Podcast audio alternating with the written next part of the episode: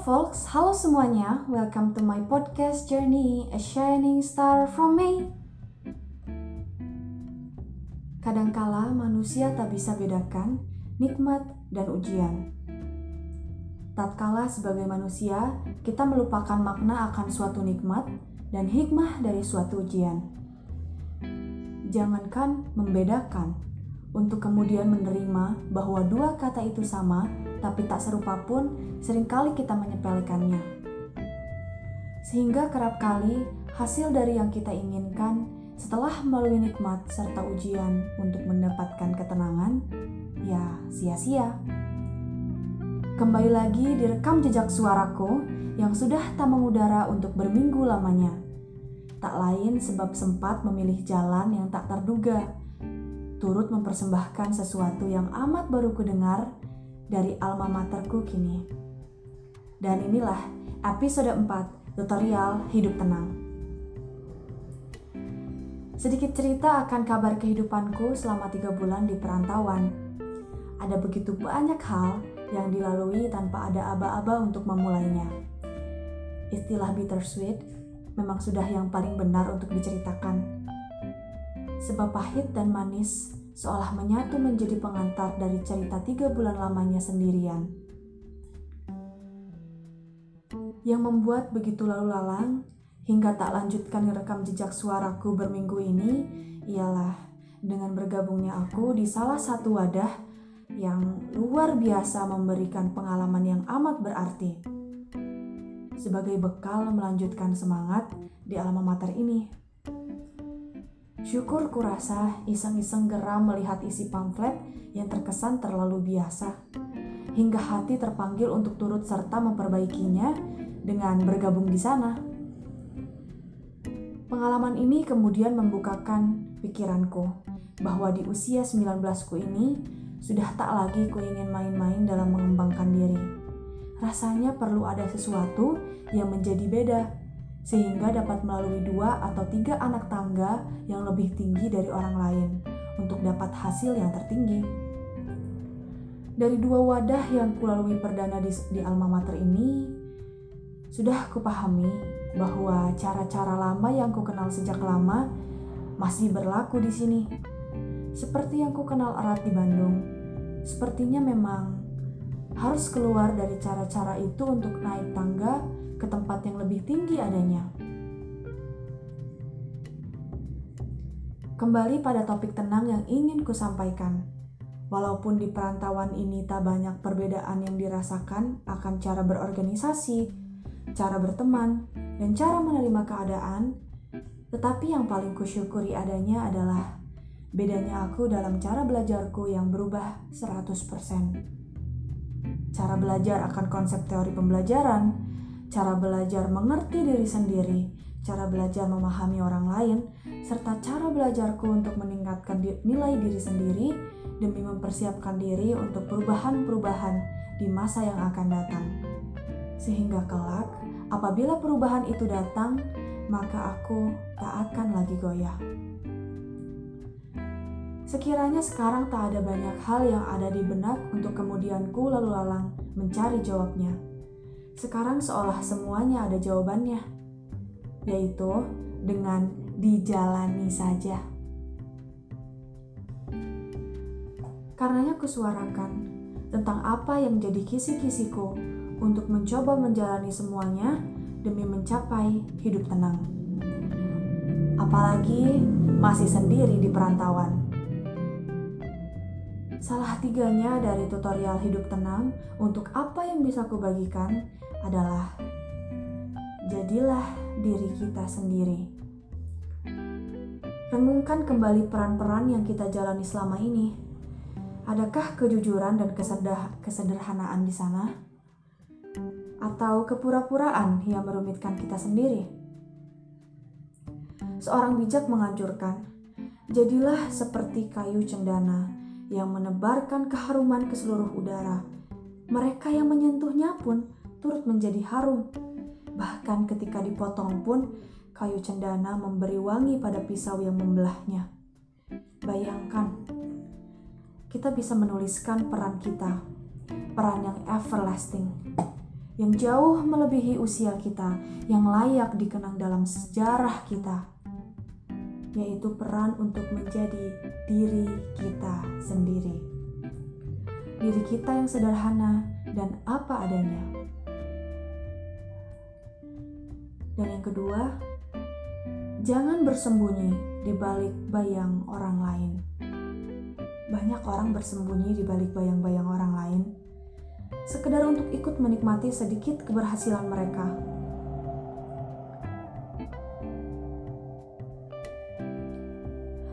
Nyatakan dengan tulus bahwa keberhasilan ini bukan milik kita, karena kita hanya ikuti bayangnya. Keberhasilan semu bagaikan pakaian indah yang terpajang di atas toko. Seberapa bagus itu kita katakan, tetap saja kita tak berhak untuk mengenakannya. Bersembunyi di balik bayang-bayang mungkin membuat kita nyaman, namun apa yang bisa diberikan sebuah bayangan hanyalah kegelapan. Selama kita berjalan di bawah remang-remang, bagaimana kita bisa mengetahui tempat yang akan kita tuju? Karena itu, keluarlah, teranglah, tunjukkan kemampuan diri kita sendiri. Berjalan di bawah terik matahari memang selalu melelahkan. Namun keringat itu adalah keringat kita sendiri. Itulah kehormatan kita yang jauh lebih berharga daripada ke keberhasilan semu dengan menipu diri kita sendiri. Dan yang terakhir adalah Jauhi sikap yang dibuat-buat. Bergaulah secara wajar dan sehat. Jauhilah sikap yang dibuat-buat karena kelanggengan hubungan yang sesama terjalin oleh perilaku yang biasa. Kita mungkin sedang belajar untuk memperindah gerak-gerik dan sikap tubuh kita, atau kita boleh saja sedang membenahi kepribadian diri kita namun di atas semua itu, orang lain lebih menyukai dan menghormati kita sebagaimana adanya. Percayalah, berbicaralah dengan logat kita sendiri, tersenyumlah dengan keceriaan kita sendiri, berjalanlah dengan derap langkah kita sendiri. Jadilah diri kita sendiri. Meski orang bijak di luar sana mengatakan dunia adalah panggung sandiwara, itu bukan berarti kita harus bersandiwara sepanjang hayat. Kita mendapat suatu peran yang harus kita mainkan, maka mainkan peran itu sebaik-baiknya. Jangan ambil peran orang lain, karena kita akan membuat-buat sikap kita sendiri. Hayati apa yang menjadi diri kita dan bersikaplah sewajarnya di mana pun sikap yang dibuat-buat itu membosankan, malah barangkali memuakan.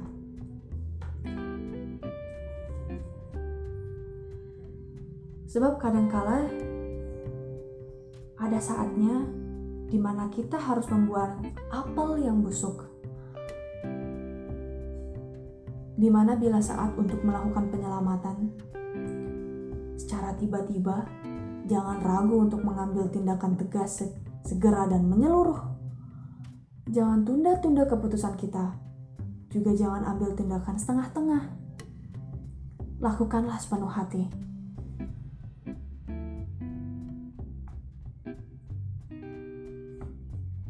Demikian pula tindakan kita untuk menyelamatkan keadaan. Jangan tunggu sebutir apel, sebuah apel, busuk merusak seluruh apel yang ada dalam keranjang. Buanglah yang busuk, selamatkan yang masih segar. Bersikaplah tegar dalam melihat konsekuensi yang ada, dan buatlah keputusan. Karena hiduplah apa adanya, dalam upaya kita mencari ketenangan, jangan lantas lari dari hidup pikuk kehidupan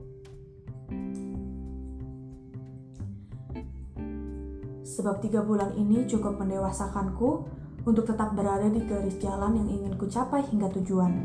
Tidak lagi memikirkan hari lalu yang sudah berlalu dan hari esok yang masih diangan. Yang ada hanyalah hari ini.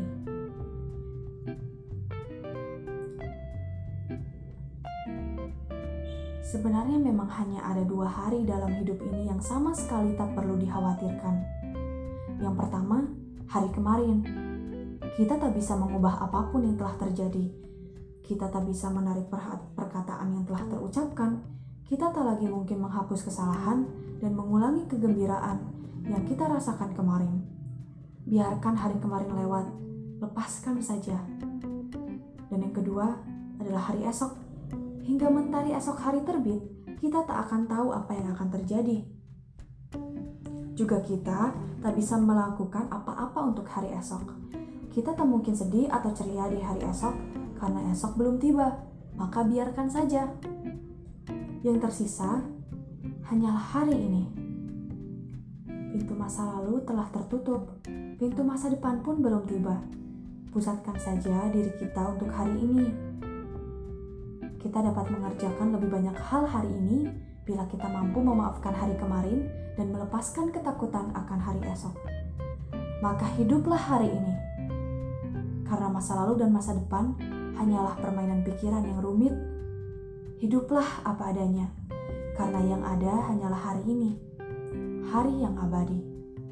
Hiduplah tenang untuk diri kita sendiri. Siap maju. Salam pemuda. Hello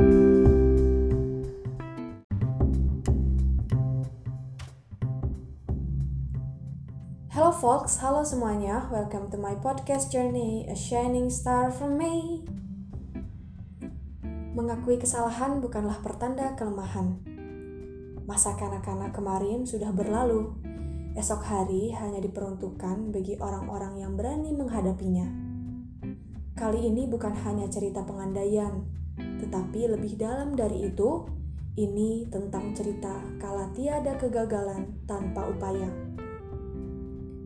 Alasan dibalikku awali cerita ini dengan kegagalan tak lain karena ada begitu banyak skenario yang kemudian menjadi pisau bermata dua. Entah itu dianggap baik atau anggapan buruk dari sebagian lainnya.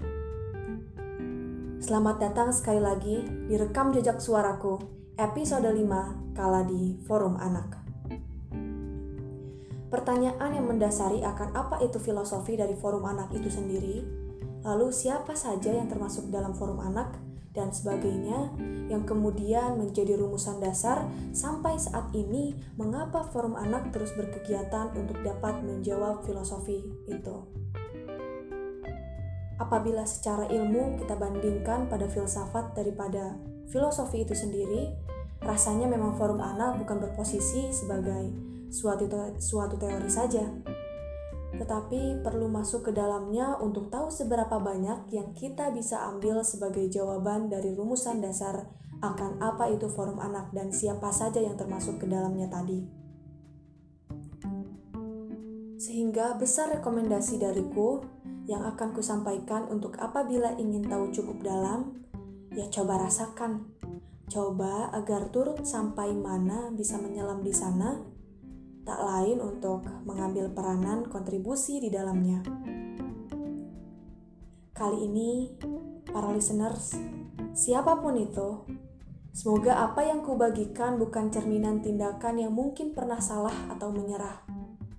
Semoga suara ini bukan untuk perdebatan, karena sejatinya dari sinilah semuanya ada di hadapan semua halnya dari baik dan buruk di masa kanak-kanak sampai mengantarkan dewasa menyapa, masih kuanggap semua bagian dari cerita penuh makna. Sebagai informasi, akhir tahun 2017 aku turut mengudara di Forum Anak Daerah Provinsi Jawa Barat. Maka bila ada sedikit perbedaan pengalaman dan cerita, Semoga tak turut membedakan arti dari makna forum anak itu sendiri ya. Sebelum berlanjut, berlandaskan Undang-Undang Nomor 23 Tahun 2022 tentang perlindungan anak. Dalam undang-undang ini yang dimaksudkan dengan anak adalah seseorang yang belum berusia 18 tahun termasuk anak yang masih dalam kandungan yang mana secara istilah anak menjadi objek daripada penyelenggaraan forum anak itu sendiri, di mana dasar penyelenggaraan Forum Anak telah berlandaskan Peraturan Menteri Pemberdayaan Perempuan dan Perlindungan Anak Nomor 1 Tahun 2022 tentang perubahan atas Peraturan Menteri Pemberdayaan Perempuan dan Perlindungan Anak Nomor 18 Tahun 2019 tentang penyelenggaraan Forum Anak dengan mendefinisikan forum anak adalah wadah partisipasi anak di mana anggotanya merupakan perwakilan dari kelompok anak atau kelompok kegiatan anak atau perseorangan dan dibina oleh pemerintah sebagai sarana menyalurkan aspirasi, suara, pendapat, keinginan, dan kebutuhan anak dalam proses pembangunan. Dengan berdasarkan pasal 2A menyatakan tujuan dibentuknya forum anak yaitu untuk memenuhi hak anak agar anak dapat berperan serta dalam pembangunan sesuai dengan umur dan kematangannya, harkat dan martabat kemanusiaan, serta mendapat perlindungan dari kekerasan dan diskriminasi. Dan Forum Anak berperan sebagai 2P atau pelopor dan pelapor, serta PAPP partisipasi anak dalam perencanaan pembangunan yang bergerak dari Forum Anak Nasional, provinsi, kota kabupaten, hingga kecamatan, kelurahan desa, RW, hingga RT. Dan itulah sekilas ulasan berdasarkan peraturan menteri yang sudah ditetapkan. Semoga semua sepaham dan bisa menjawab setiap rumusan dasar yang masih bertanya-tanya di awalan tadi. Sebetulnya rekam jejak suaraku kali ini bukan untuk membahas apa yang ada di dalam landasan hukum dari forum anak saja, tetapi lebih pada apa yang ingin kubagikan sebagai pengalaman akan cerita bermakna enam tahun lamanya aku di sini. Pada tiga fase revolusi yang akan kusuarakan tentang cerita kala di forum anak terbagi menjadi tiga. Yang pertama, Fase pertama ialah menemukan pemimpin dalam diri sendiri. Fase kedua tak lain ialah membentuk tim di masa depan. Dan fase ketiga adalah melihat sesuatu dari kacamata orang lain.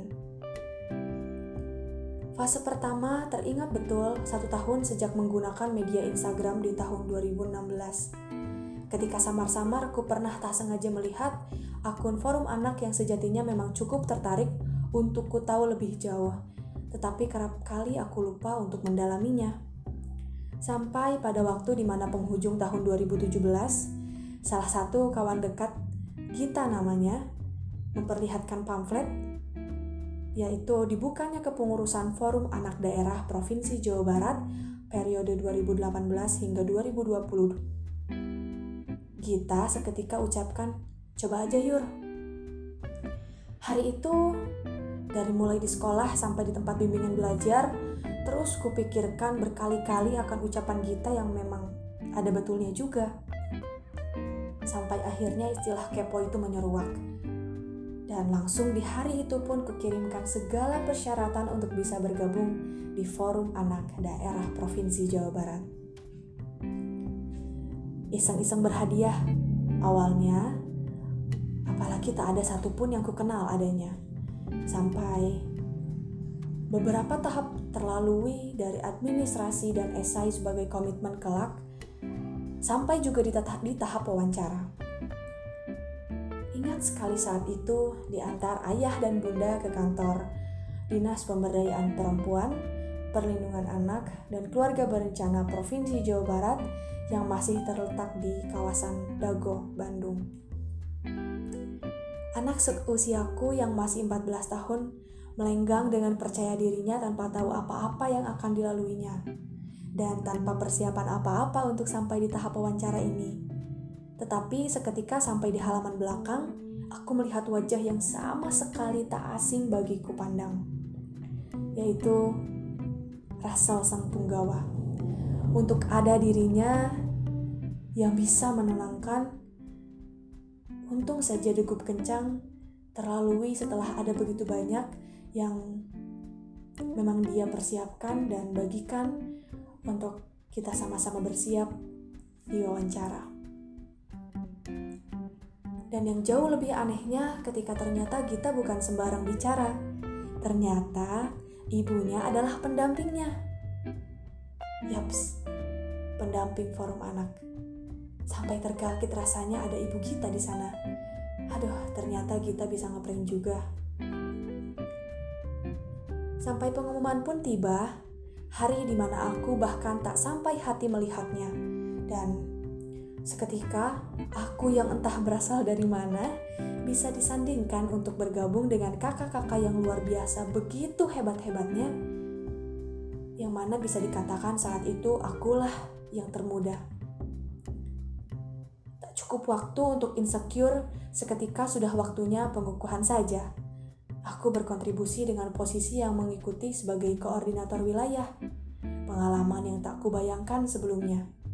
Yang hanya biasa mengurusi ini itu di lingkup OSIS dan paskibraka sekolah, ini sudah mengurusi berkota-kota saja.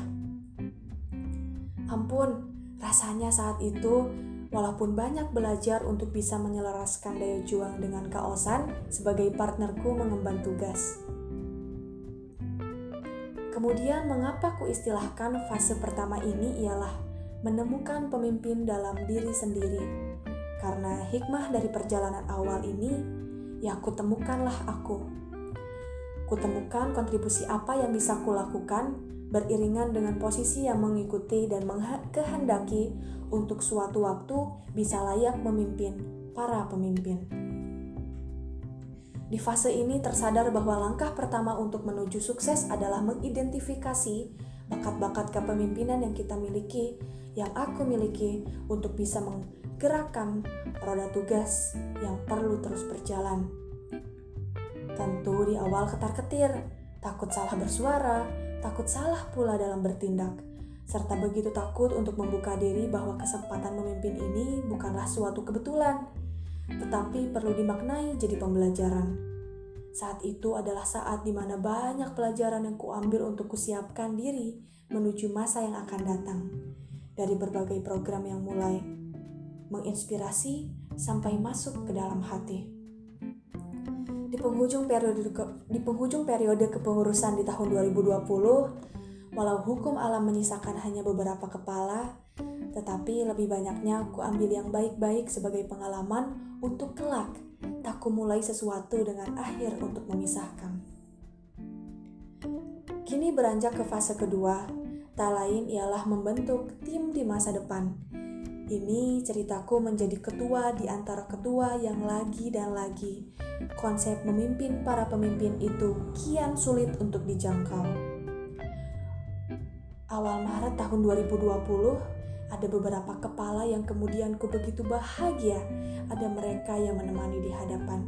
Ada teman ada teman dekat juga, sahabat yang senantiasa ku harap-harap bisa bersama sampai akhir yang membahagiakan.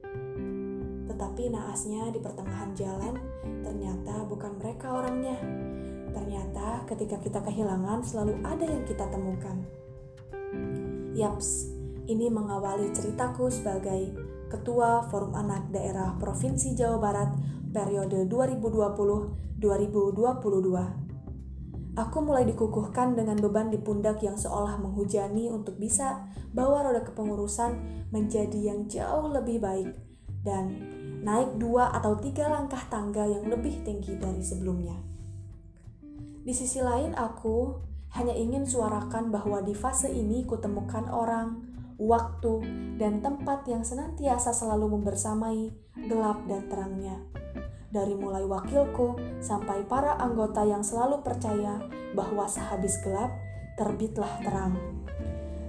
Tanpa semua yang berada di sisi, tak akan pernah kusanggup melaluinya. Maka terima kasih sebanyak-banyaknya menjadi ketua di antara 27 kota kabupaten dengan total ratusan kecamatan juga kelurahan desa yang bahkan total kepengurusan Forum Anak Daerah Provinsi Jawa Barat mencapai 15.000 anak. Such amazing experience.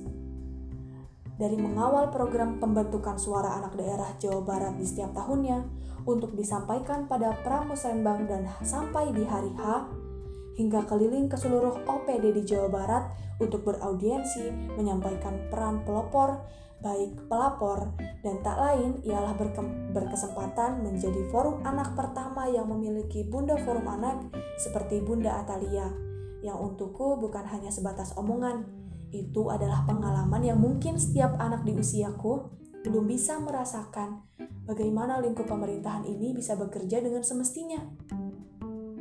Sehingga kelak kita bisa berpikir kritis dan bersikap dan bertindak di masa yang akan datang untuk menjadi pribadi yang lebih baik. Juga teringat ada begitu banyak puluhan program yang tak sampai lelah kuucap terima kasih untuk semangatnya seluruh keluargaku di kepengurusan Forum Anak Daerah Provinsi Jawa Barat periode 2020-2022. Sampai masa perlu lepas landas mengudara di pertengahan tahun 2022 mengisahkan cerita yang akan tersampaikan di fase ketiga. Melihat sesuatu dari kacamata orang lain, ini jadi istilahku dalam menggambarkan fase ketiga kala di Forum Anak. Forum Anak Daerah Provinsi Jawa Barat selain menjadi forum anak pertama di Indonesia dan memang selalu yang jadi pertama, nomor satu dalam hal keaktifan, kesuksesan penyelenggaraan program, dan lainnya yang selalu mengantarkan pada juara satu forum anak terbaik di tingkat nasional. Ini cukup menjadi fokusku di awal untuk kemudian seminimalnya adalah mempertahankan trofi yang begitu terus dibisikkan untuk harapan menang agar konsistensi terus terjaga. Tetapi di tengah jalan, lagi-lagi kusadar, apabila itu yang jadi tujuan, maka mengapa tujuan diberdirikannya forum anak untuk memenuhi hak anak agar anak dapat berperan serta dalam pembangunan perlu diperlembakan dan perlu dibandingkan. Mungkin aku bicara ini tanda tak mampu, memang betul, karena belum juga trofi juara satu ada di tangan. Tetapi bicara bukti keterjagaan, kamilah yang nomor satu. Keterjagaan akan komunikasi internal yang erat, keterjagaan akan akhir kepengurusan yang hampir semuanya bersama, tanpa hanya ada beberapa kepala saja yang bertahan. Ini bisa jadi pembuktian bahwa ketahanan kami yang paling berbeda, bukan setelah menjadi alumni Forum Anak, tetapi selama bersama di satu kepengurusan, kami bertahan, bukan hanya sebagian. Ini jadi bekal masa depan kami, karena siapa tahu yang dikecilkan bisa saja jadi yang paling besar, bukan? Yang tadi harapkan bisa jadi yang paling engkau harapkan kelak, bukan? Itu semua mungkin masih jadi pertanyaan besar bagi sebagian orang. Tetapi bagiku, aku bisa pastikan, kami yang kelak pasti akan besar, tak lagi perlu dipertanyakan keberadaannya. Saat itu begitu rancu untuk memulai atau menghentikan, sebab kanan kiri terus menggoyahkan. Tetapi satu hal yang paling bisa dijalani, ia bertahan di tengah pandemi, di tengah serbuan perkataan dan jadi ketua sendirian. Akan selalu jadi pengalaman berharga untukku, tak sampai membuat orang lain merasakan apa yang dirasakan. Sudah cukup saja. Sudah sekali ini saja. Apalagi masih memiliki konstruksi berpikir sebagai anak yang sebenarnya hanya ingin netral saja, tak ingin menyaut ke sana maupun ke sini, tetapi mau bagaimanapun juga, yang kuperhitungkan saat itu bukan yang melahirkan, tetapi yang membesarkan. Keduanya memang sulit untuk dipersatukan. Untukku yang tak suka neko-neko adanya, kalau bisa dipermudah, kenapa perlu menghendaki yang salah satunya? Mungkin inilah yang menjadi titik tolak mengapa perlu aku katakan bisa jadi gagal adalah definisiku kala di forum anak atau bisa jadi sukses ketika hanya waktu yang bisa menjawabnya. Terus terang suara ini sebetulnya adalah pengantar kisahku untuk menjadi pembelajaran di masa yang akan datang, juga di masa sekarang.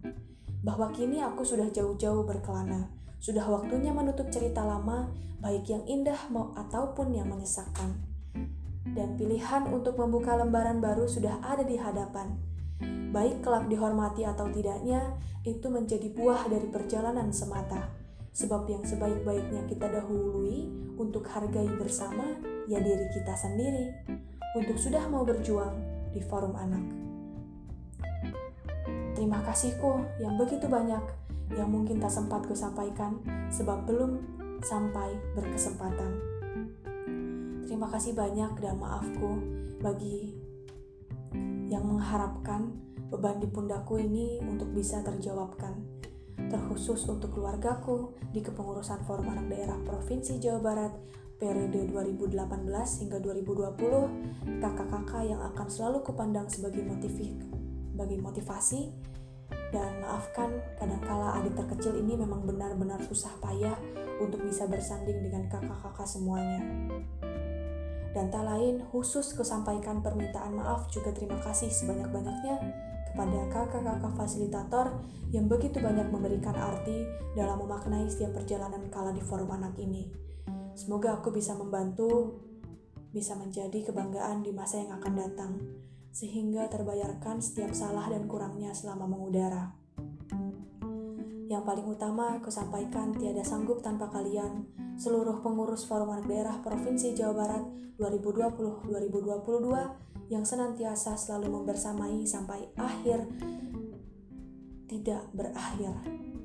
Dan hormatku untuk para pendiri, baik yang membesarkan forum anak ini, Besar harap pintu maaf dan kesan baik selalu ada di ingatan.